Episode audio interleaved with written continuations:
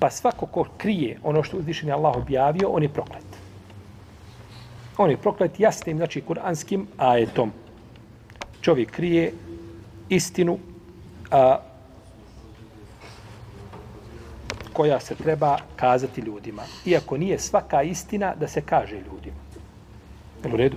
Neko, nije svaka istina, nisu ljudi zreli za svaku istinu. Ali ono što je dužnost da se kaže prikrije se i sakrije se, to je, to je, to je veliki grijeh. To je teški grijeh kod uzvišenog Allaha za uđel. A i u tom smislu je došao hadis kod imama Ebu Dawuda i Tirmize imama Ahmeda, da je poslanik, sal sam rekao, men sujla na ilmin ja'lemuhu feketemahu elđemehu Allahu jevmem qiyameti bili džamin min nar. Ko bude upitan o znanju, a zna to, pa sakrije, bit će zauzdan na sudnjem danu uzdama od vatre. Taj govorni aparat koji nije upotrijebio kako ga je trebao upotrijebiti, ali tako, ovaj, bit će kažnjen zbog toga. Biće kažnjen zbog toga.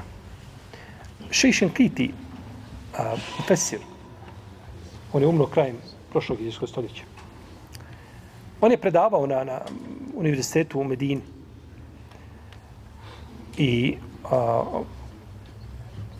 on bi, kada, kada ima kod učenic, kada rade ispite, upita ga neko od učenika, kažu, a ovo pitanje, kakav je odgovor? što sam postavio pitanje, pročitam pitanje, kakav je odgovor? On bi odgovorio. I učenik zapiše. Pa su neki učenici otišli kod rektora univerziteta, a to je bio Ibn Baz. Da mu se požale, kažu, profesora upitaju, kažu, on odgovori. Pa je pozvao še Ibn Baz, imama Šemkritija, to je velikan, braću. Imam njegovo dijelo, Aduaul Bejan, ko čita, znači vidi kolik, kakav je on poznavao bio mezheba i mišljenja, to je čudo jedno. Pa ga je pitao, kaže, kako? Pa kaže, učenice pitaju, a kaže, poslanik sam rekao, kaže, ko bude upitano za nju, a i zna ga, ne odgovori, ne kaže, kaže, bit će zauzdan. Ja. Pa dobro, kaže, u redu, hadis jeste, ali ovo je ispit, ovo je provjera, ovo nije, ovo nije pritajio znanje. Ali pogledajte, bogobojaznosti dokle je čovjek išao